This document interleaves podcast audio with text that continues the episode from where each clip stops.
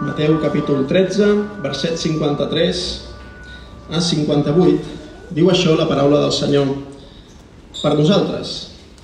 I s'esdevingué que quan Jesús acabà aquestes paràboles va marxar d'allí i va tornar a la seva terra i els ensenyava en la sinagoga d'ells, de manera que estaven asturats i deien d'on li ve aquesta saviesa i aquestes obres poderoses? No és aquest el fill del fuster? No es diu Maria, la seva mare, i els seus germans Jaume i Josep i Simó i Judas? I les seves germanes no són totes entre nosaltres? D'on li venen, doncs, a aquest totes aquestes coses? I es van entrebancar amb ell. Però Jesús es digué, no hi ha profeta sense honor, sinó en la seva terra i en la seva casa. I allà no hi va fer gaires obres poderoses a causa de llur incredulitat. Amén. Hola i benvingut al podcast de Ciutat Nova, una església protestant al barri 22 arroba de Barcelona.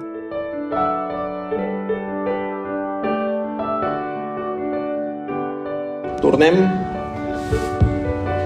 al curs, eh? d'alguna manera. Sabeu que l'Evangeli de Mateu el vam començar i l'estem fent en diferents sèries i anem intercalant aquesta sèrie de Mateu amb altres textos. Vam fer la sèrie sobre el llibre d'Ester, a l'Antic Testament també. Hem fet a l'estiu la sèrie una breu teologia del descans, podríem dir, oi? Els mesos eh, d'estiu. I quan iniciem el curs, doncs tornem, tornem a la sèrie de Mateu. Aquest text que acabem de llegir acaba, podem dir, una secció de l'Evangeli de Mateu i en comença una altra. Eh? Podem considerar el sermó d'avui l'últim de la sèrie anterior, que parlava de les paràboles de Jesús, o el primer de la nova sèrie, que parlarà sobre la identitat de Jesús, del Messies, donada a conèixer, revelada. I com que iniciem el curs, doncs és un moment per plantejar-nos per què fem les coses d'aquesta manera. Oi? Per què les predicacions s'organitzen d'aquesta manera? No sé, potser tu penses, per què no parlem dels temes que interessen a la gent i veiem què diu la Bíblia, no? I cada setmana parlem d'un tema diferent, oi? Eh, podem parlar doncs, sobre eh, la identitat, podríem parlar sobre la crisi, la pobresa eh, energètica, podríem parlar sobre aquests temes que realment interessen a la gent, oi? No seria més proper a la gent del nostre voltant? No seria més interessant per nosaltres? I és aquí on hem de recordar que com a església necessitem una dieta equilibrada a nivell espiritual, oi? Que ara passa l'estiu i tots estem una mica amb una certa culpa del que hem fet a l'estiu, amb el tema del menjar, segurament, i tornem a una dieta més equilibrada, oi? Doncs clar, les sèries de sermons que nosaltres fem són allò que s'anomena expositives, i això és molt important, perquè no pretenem ser nosaltres els que posem els temes sobre la taula, sinó que volem que sigui Déu aquell que posa els temes importants sobre la taula. Tenim la tendència, si jo prediqués els temes que a mi més m'interessen de la Bíblia, aquesta seria la meva tendència. I segurament buscaria els textos més fàcils de predicar. Oi?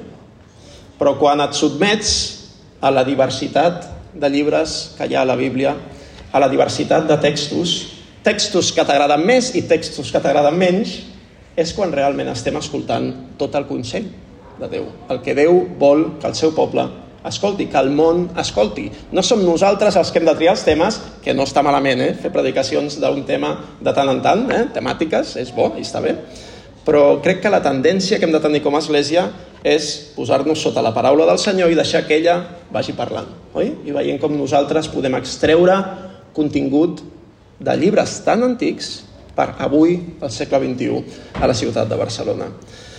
Deia algú que les sèries de sermons formades per temes populars gairebé sempre ignoren alguns temes que la Bíblia considera de gran importància. Si caiem en aquesta trampa, acabarem matant de gana al poble de Déu, i no és aquesta la nostra intenció. Oi? Volem tenir una dieta equilibrada i la Bíblia és un llibre equilibrat, i per tant passegem per les seves pàgines de manera equilibrada també. Doncs molt bé, veiem com Jesús ha estat recorrent diferents llocs ensenyant a les sinagogues, oi? En els textos anteriors havíem vist això, havíem escoltat les seves paràboles eh, per la zona de Galilea, i ara, després de ser una persona reconeguda, oi? I de la qual la gent parla, algú de qui es diuen coses extraordinàries, podríem dir que el noi torna a casa. El noi torna a casa. Jesús torna a Nazaret, la seva terra, el seu poble, i després de fer-se popular es trobarà amb la seva gent. Allà l'havien vist créixer, jugar, treballar, el coneixien de tota la vida, des de... és aquella frase, oi? Jo a Jesús el conec des de que era així, oi? Des que era un bebè, podrien dir, els seus veïns. Nazaret era un poble petit d'uns 500 habitants. Eh? I Nazaret, amb aquests 500 habitants, rep l'home del moment, podríem dir. I aquest home del moment és un dels seus. Eh, va néixer a Betlem, però va créixer a Nazaret, oi? De fet, eh, així és com se'l coneix. Jesús de Nazaret. Per tant, interessant com serà el moment, oi? En el que Jesús torna a casa. Posa't un moment a la pell de Jesús, no? Com t'agradaria que fos la teva tornada a casa, amb els teus?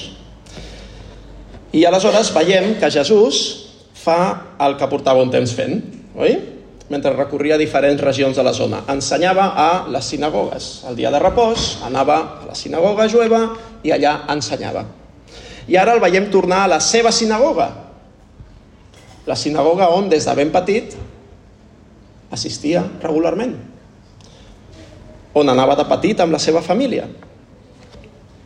Per tant, veiem que és interessant veure com aniran les coses, oi? Quan el noi torna a casa.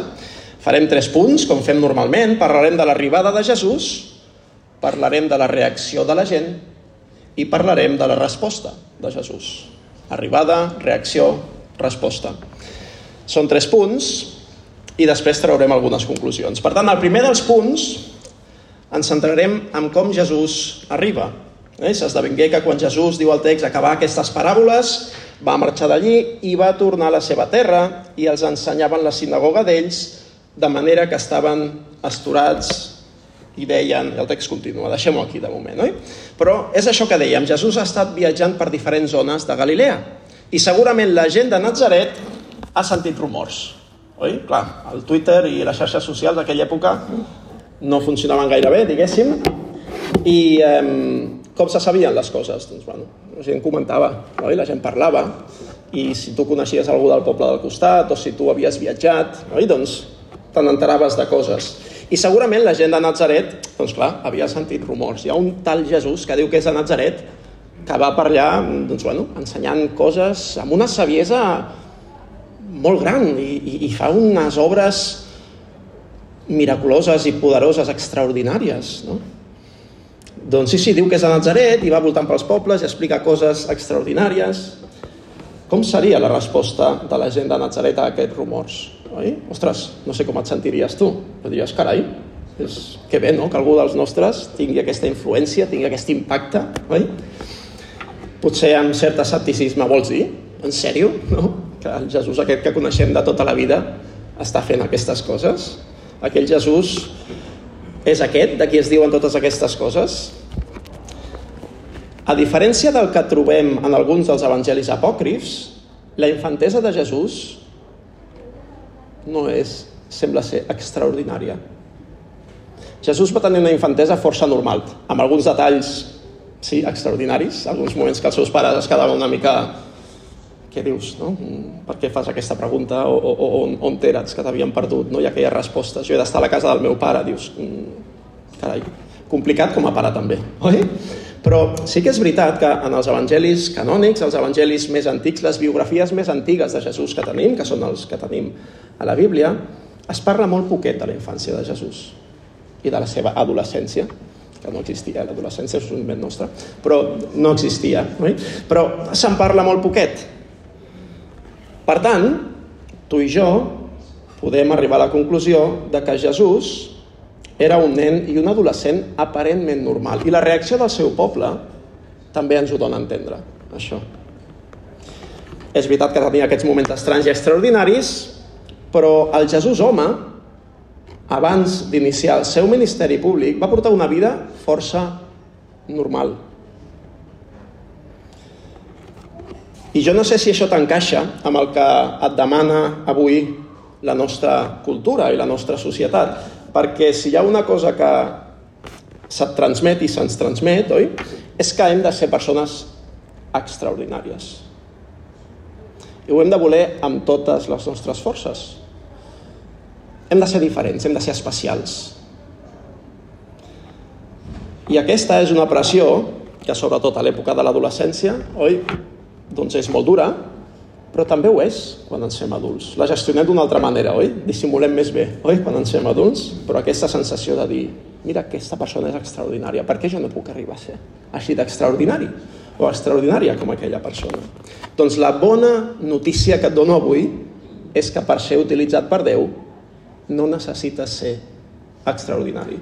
Déu utilitza coses i persones ordinàries, normals.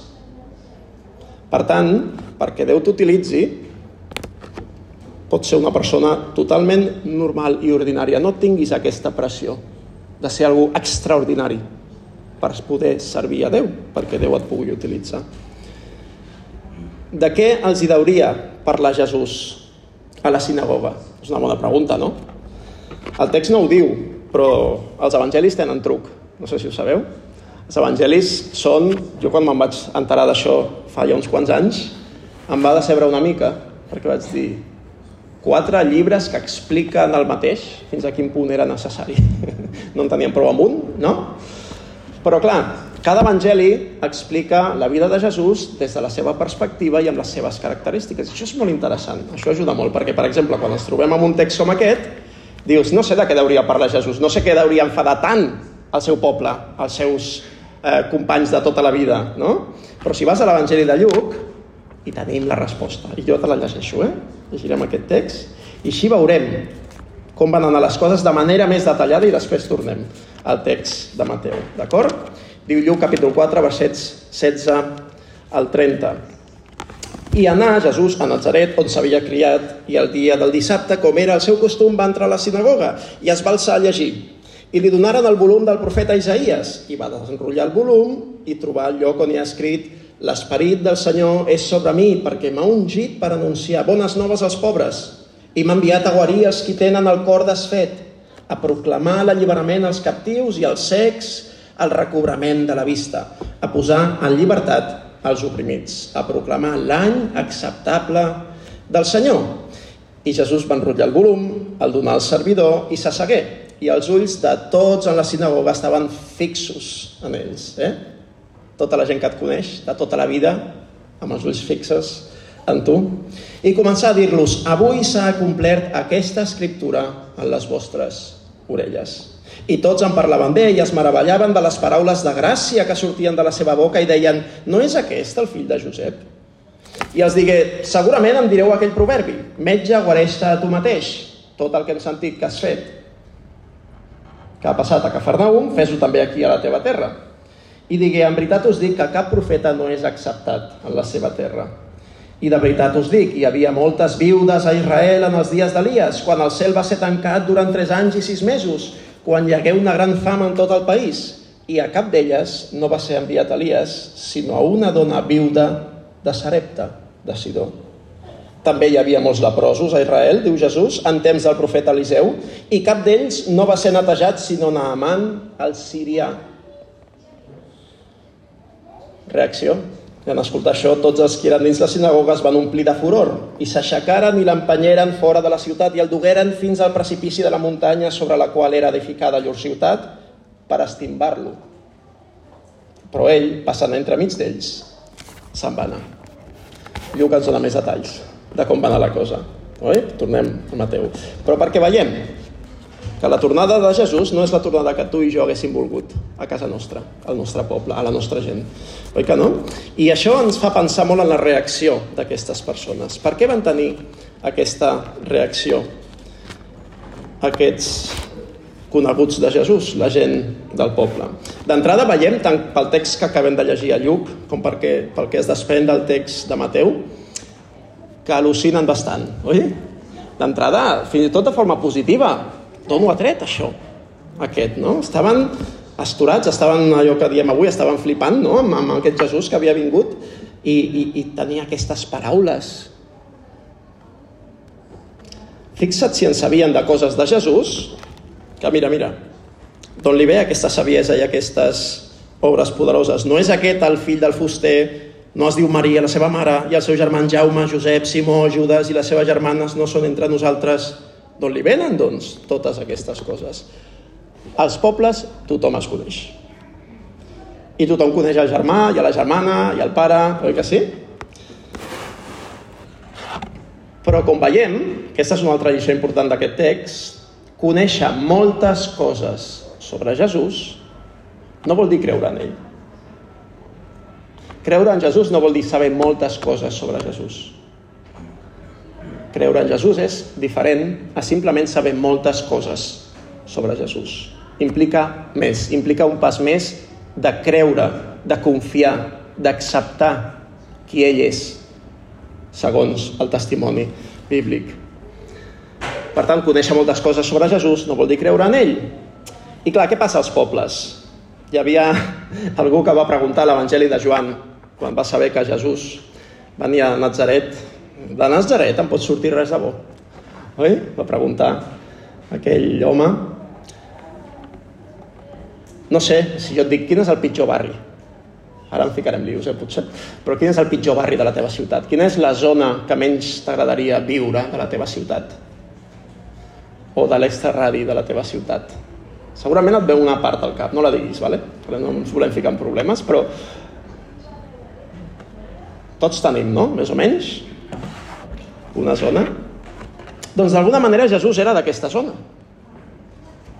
Nazaret no era una gran ciutat. I, i de fet als pobles les coses funcionen d'una manera curiosa. Clar, Jesús ha estat viatjant per diferents llocs que no són el seu poble. Com l'han acollit? Doncs bueno, hi ha hagut una mica de tot, però en general ha tingut una acollida prou positiva. Però clar, torna a casa. Mira, jo conec a persones que viuen a un poble i que m'expliquen jo no vull treballar al meu poble. Soc mestre i no vull treballar al meu poble. Per què? No seria més fàcil per tu treballar a l'escola del poble? No? Proximitat? Mm? Sí, precisament per això. És que si em poso a treballar de mestre a l'escola del meu poble, tothom sabrà qui sóc, tothom podrà parlar de mi, tothom em coneixerà, tothom sabrà qui és el meu marit, tothom sabrà quan jo vagi al súper em trobaré els nens de l'escola, també els pares i les mares dels nens de l'escola. Eh, quan jo estigui fent doncs, alguna cosa amb els meus amics o les meves amigues em trobaré els pares i les mares de l'escola, potser em trobo algun nen i nena de l'escola. Clar, entens per on van els tiros amb això que et vull dir? O sigui, estar a prop dels altres no sempre és còmode, oi? Conec una mare també que li diu a la seva filla, allà on estem vivint nosaltres, ara a Vilassar de Mar, diu, si fas alguna cosa que jo no hagi de veure, fes-ho a un altre poble, si plau. Vale? És a dir, mm, és que el poble se sap tot. Uh, si no m'ho dius tu, m'ho dirà el veí. I si no m'ho diu el veí, m'ho dirà el de la botiga. I si no, m'ho dirà... Se sap tot el poble. Si has de fer algú dolent i vols que no me n'enteri, fes un altre poble. Canvia de poble, almenys. Oi? O si pensem, pensem una mica en, en aquesta idea, no? Què penses de tenir un negoci familiar? Moltes vegades idealitzem els negocis familiars, oi que sí? La botiga de tota la vida, tota la família treballant allà, oi? O l'empresa de la família, l'empresa de tota la vida que va aixecar l'avi i continua el fill eh, i continuen els nets, oi que sí? Quina meravella tenir un negoci familiar d'aquesta manera, oi que sí? Pregunta-ho a les persones que treballen en família. Pregunta-ho. O, o busca als diaris el que passa amb negocis familiars de tota la vida, oi? que haurien de ser els més familiars, amb els que et portes més bé amb la gent. Hmm. Vigila amb els negocis familiars. De fet, conec a persones que tenen molt clar que no treballaran mai amb la seva família. És per alguna cosa, serà, oi? I si algú t'ha de fer un comentari crític, de correcció, no sé si tens germans, germanes, oi? Si algú t'ha d'animar a canviar alguna cosa, qui és la millor persona per fer-te saber això? El teu germà, la teva germana, la persona més propera a tu, la teva família? per favor. Si m'ho diu la meva germana, o sigui, si m'ho diu algú altre, vale, però si m'ho diu la meva germana, la meva germana, que m'ho digui ella, m'entens? O sigui, que la conec de tota la vida, que estem convivint, perdona, no tinc temps perquè la meva germana em digui res de tot això. En tot cas, que sigui algú altre. Oi? És aquella confiança, oi que sí? És aquell moment de massa proximitat. No, no, no, no, no. Ell no és qui m'ha de dir a mi com he de ser, oi? I, i mira, seré una mica pesat amb els exemples, però és que me'n venien tants. no sé si coneixes algun psicòleg, eh? Um, no sé, alguna psicòloga. Um, el psicòleg i les psicòlogues fan teràpia amb la seva parella o amb el seu fill? No, és que ara és que no, mica no. No et pregunto el per què, tu pots imaginar, no? Ens ho podem imaginar. Ja quan estem massa a prop d'algunes persones, eh, no podem fomentar el canvi en segons quines coses. De fet, la distància a vegades ajuda amb això, oi que sí? O fins i tot, bueno, jo recordo no, una noia que el seu pare era un psicòleg reconegut no? I, i, i i ella em deia, no, jo parlava de que això tenia un psicòleg com a pare i tal, bueno, molt bé, i deia, ella m'explicava que ella es preocupava molt per les coses i tal, i li deia, bueno, el teu pare és psicòleg, home, eh, que t'ajudi ell, no? Que diu, el meu pare em dona per perduda, ja. Diu, el meu pare, això de fer-me psicòleg, no. I és veritat, o sigui, necessites una certa distància amb una altra persona perquè aquesta persona t'entri en segons quins temes, oi? I això, d'alguna manera, Mira, tinc fins i tot un altre exemple, perdoneu-me, eh? però és que els he posat aquí. Eh, què és el més difícil a la carrera del Leo Messi? Guanyar lligues, guanyar títols, guanyar champions, bueno, li ha costat potser guanyar un mundial, que difícil, oi que sí? Guanyar-se l'amor d'Argentina, el més difícil de tot. Que Argentina el valorin no com un pecho frío, no? que li deien, sinó com algú realment que és el capità de la selecció, és el que més li ha costat a aquest noi, que és d'Argentina. Però a la seva terra no el volien. Doncs bé, la relació que tenim amb la nostra gent no sempre és la més fàcil, sinó que a vegades potser és la més complicada. Hi ha aquella frase tan, us la dic, eh, però allò de que la confiança no, fa no sé, no? A vegades una mica de fàstic, diuen alguns, no? Doncs bé, és veritat que en general, en general som menys tolerants amb la gent de la nostra família que amb els de fora. Jo no tinc paciència amb certes coses, amb la Noemí. En canvi, la tinc amb altres persones de fora de la família. Oi? Em... A veure, Jesús, tu que tornes cap aquí, que et coneixem de tota la vida, home, Vull dir, et coneixem a tu, coneixem la teva família, coneixem els teus germans, t'hem vist créixer, hem vist com eres, hem vist el que feies, no? I el teu perfil, amb carinyo, eh, però no encaixa com a Messies. Eh? No dones el perfil per ser l'enviat de Déu. Potser els pobles del voltant has colat com un gran home de Déu, però aquí, a casa, sabem qui ets. Coneixem massa bé. Aquí no ens la coles podríem dir fustaret, eh? que sabem que ets fuster i sabem a què t'has dedicat. No? Qui es pensa que és aquest? Que no és el fill del fuster? Clar, una mica és l'origen humil de Jesús impedia que fos el Messias, impedia que fos l'enviat de Déu, impedia que fos aquell que ell mateix deia ser, amb aquest discurs a la sinagoga, oi? I el que se'ns dona a entendre en el text d'avui és que la reacció, que en algun moment sembla positiva i d'admiració, ràpidament dona peu al rebuig i a l'escàndol, a l'ofensa. La seva sorpresa positiva inicial d'admiració es converteix en rebuig. La gent de Jesús es van, diu el text aquest, que és més literal, entrebancar amb ell. Jesús és una pedra al camí. Fa un, uns capítols, a 11.6, Mateu 11.6, deia Jesús precisament Feliç el qui no s'entrebanqui amb mi. Feliç el qui no s'entrebanqui amb mi. Doncs el teu poble, Jesús, s'entrebancarà amb tu. Perquè Jesús sap que el seu missatge és un missatge fort, és un missatge radical, contundent, extraordinari, que quan l'entens bé generarà o un gran rebuig o et farà caure de genolls davant d'ell. O un gran rebuig o caure de genolls davant d'ell. Hi ha aquell text tan preciós i tan dur també, oi? A l'Evangeli de Joan que diu que Jesús a allò seu vingué i els seus no el reberen. A allò seu vingué i els seus no el reberen. I si t'hi fixes, la pregunta clau que fa la gent del seu poble no és tant mm, si Jesús fa coses poderoses, fa actes poderosos, o és savi amb les seves paraules, eh? sinó, més aviat, d'on li venen? És la pregunta. D'on li venen, doncs, aquest, totes aquestes coses? D'on li ve això? Amb el pare que té, amb la mare que té, amb la família que té. D'on li ve? No té formació. I és una pregunta que vull que tinguis al cap. No te la respondré ara, oi? Però no vull que responguis ara, però que vull que tinguis al cap. D'on ve aquesta saviesa i aquest poder?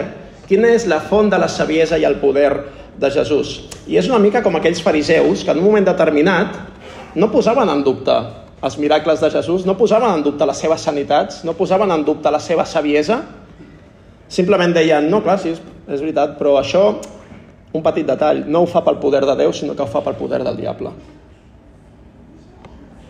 Oi?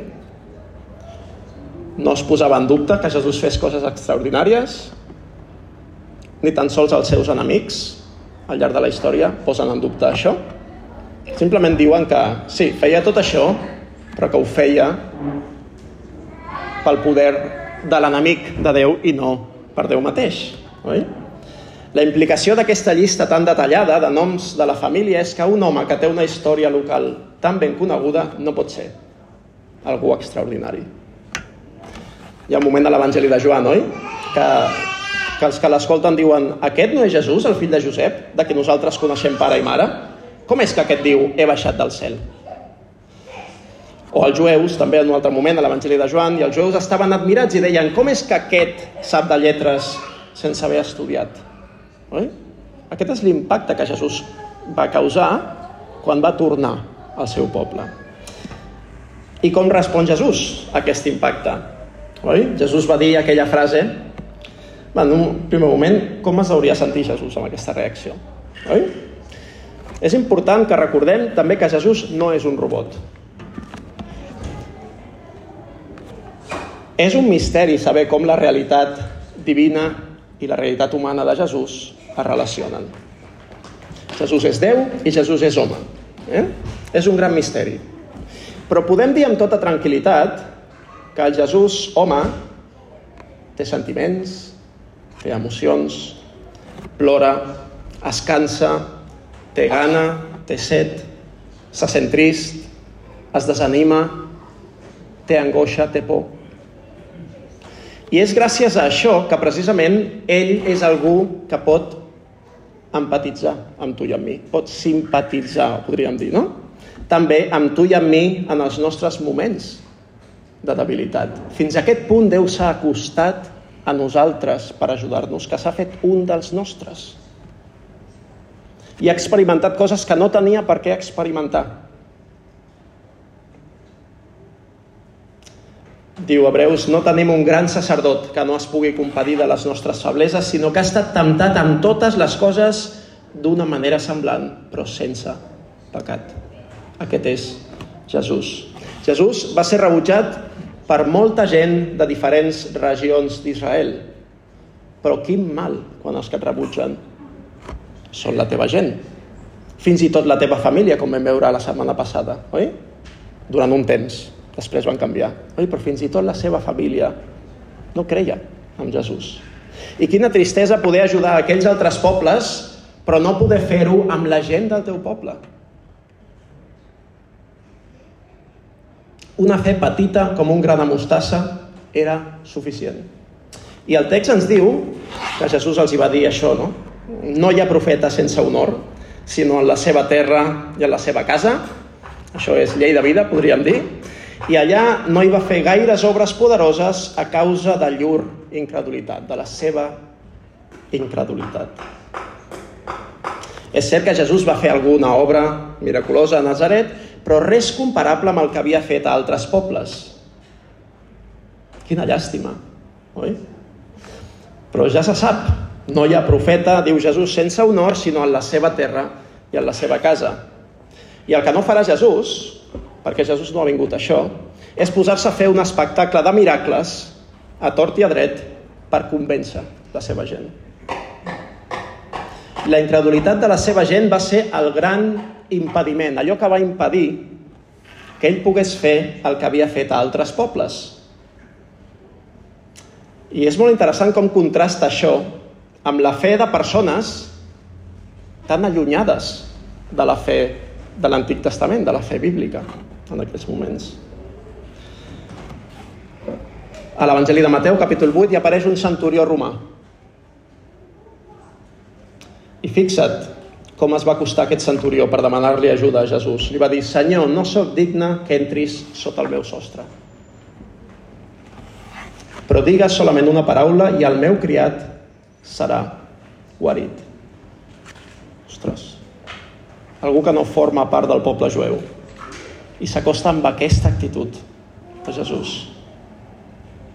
O aquella dona cananea, gent estrangera, gent que no és dels nostres, oi? O aquell pare desesperat, aquest és el meu preferit.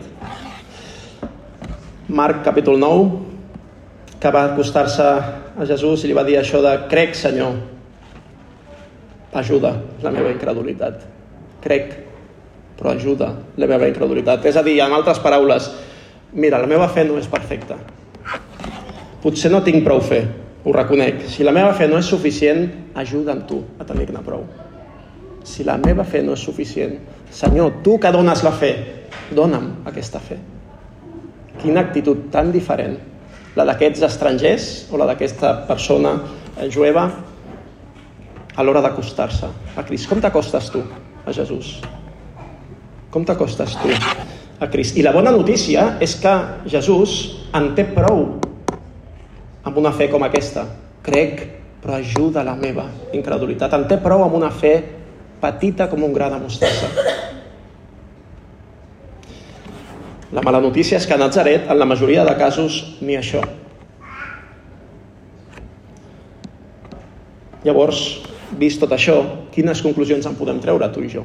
Hem explicat el text, hem vist per on va el text, oi? Hi ha diferents conclusions. En primer lloc, sobre conèixer o no conèixer a Crist. Potser tu avui coneixes a Jesús des de fa anys i panys, des de fa molt de temps. Tu saps tot sobre ell. Has sentit un munt de sermons a l'Església. Doncs avui et dic, vés en compte. Vés en compte. Vés en compte amb la teva actitud cap a Jesús. És algú que quan escoltes parlar a través de la predicació de la seva paraula dius, bueno, sí, sí, ja, ja ho sé, però jo tinc un problema i l'he de resoldre, saps? I està molt bé que Jesús digués això, però a veure, siguem realistes. Oi?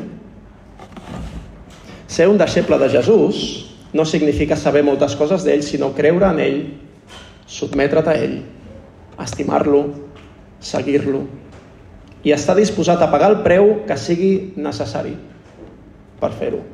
I qui t'explica un cristianisme més fàcil que aquest, t'enganya.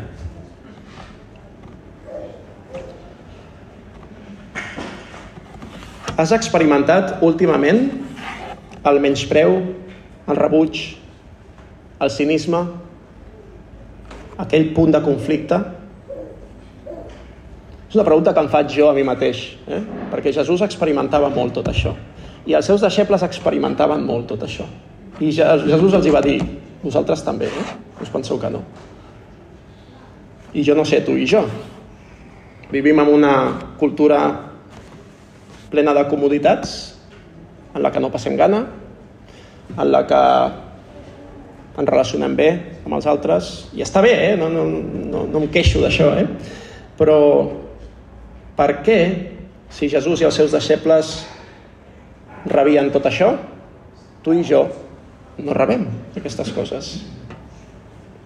Potser tu i jo som uns seguidors de Jesús que hem trobat una manera més intel·ligent de seguir a Jesús, una manera més còmoda de seguir a Jesús.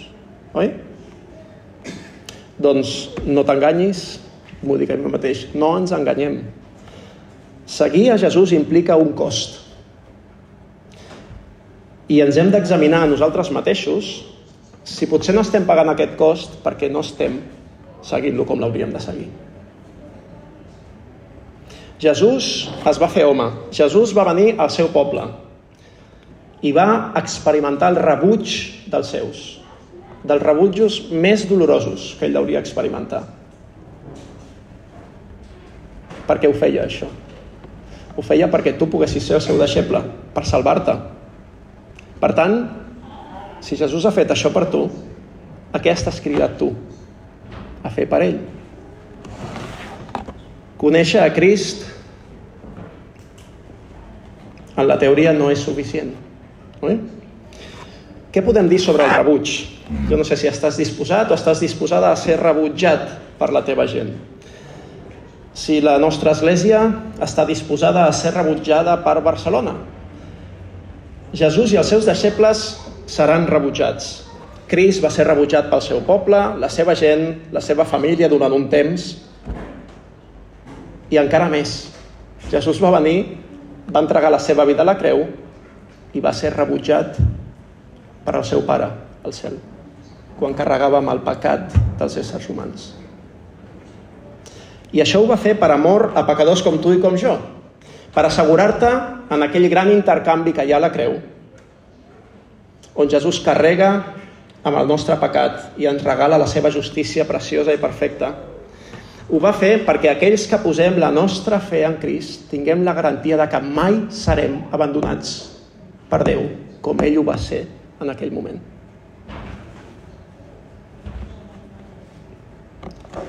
En general som menys tolerants amb la gent de la nostra família que amb els de fora, oi que sí?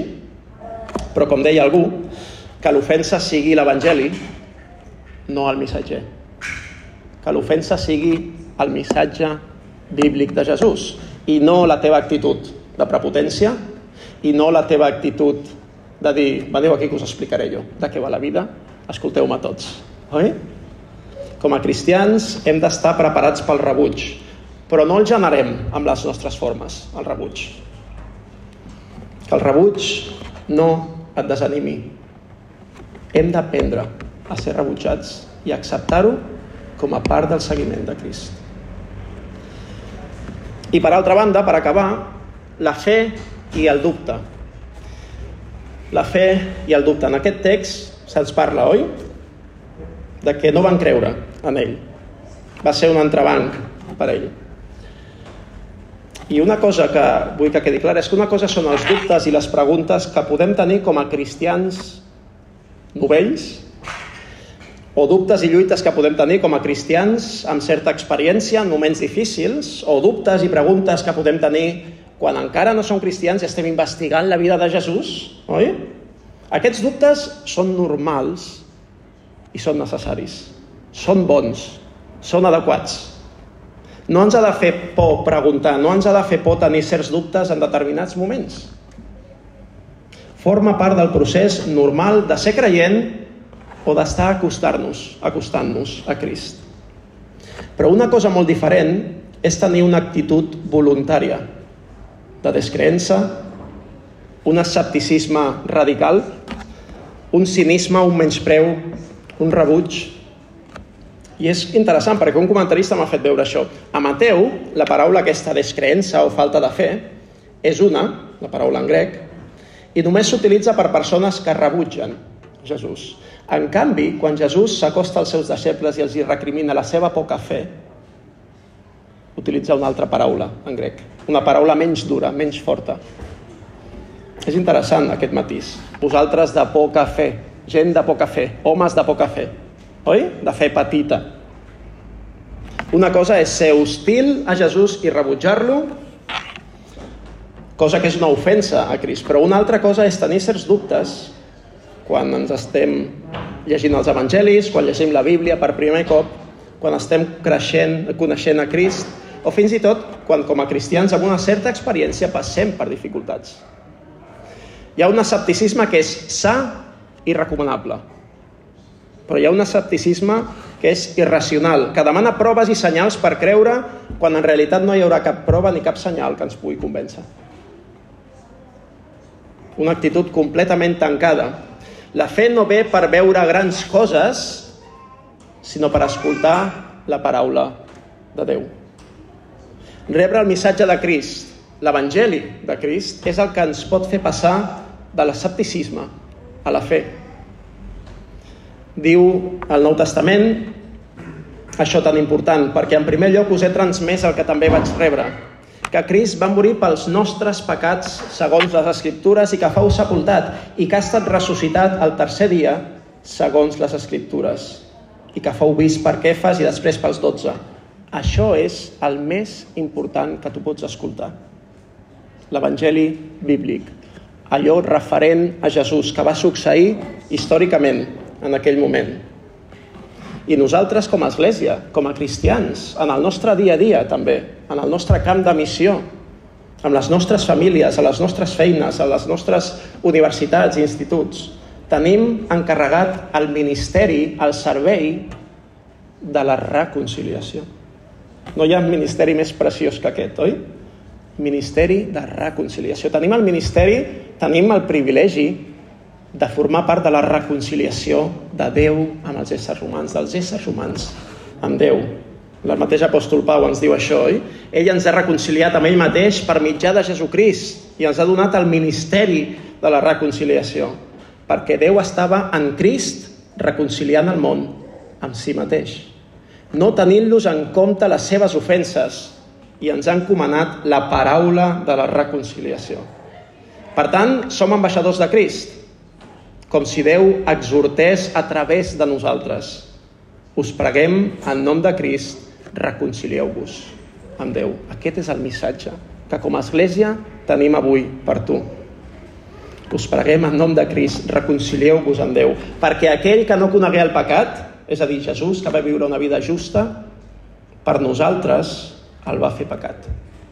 A fi que nosaltres siguem fets justícia de Déu en ell. Aquest és el gran intercanvi que tot ésser humà, tu i jo, necessitem recordar i si no hem acceptat per la fe, acceptar per la fe avui, creure en aquest gran sacrifici de Crist, que aquest sí a diferència d'aquells sacrificis, oi?, que ens fan tant de mal als ulls, a l'Antic Testament, eren només senyals que apuntaven cap al veritable sacrifici del fill de Déu, de l'anyell de Déu. Crist i el seu evangeli són presents avui a Barcelona. I són presents per la predicació de la paraula. Per tant, et deixo amb aquesta pregunta. Com rebràs tu avui la paraula de Crist i el seu evangeli?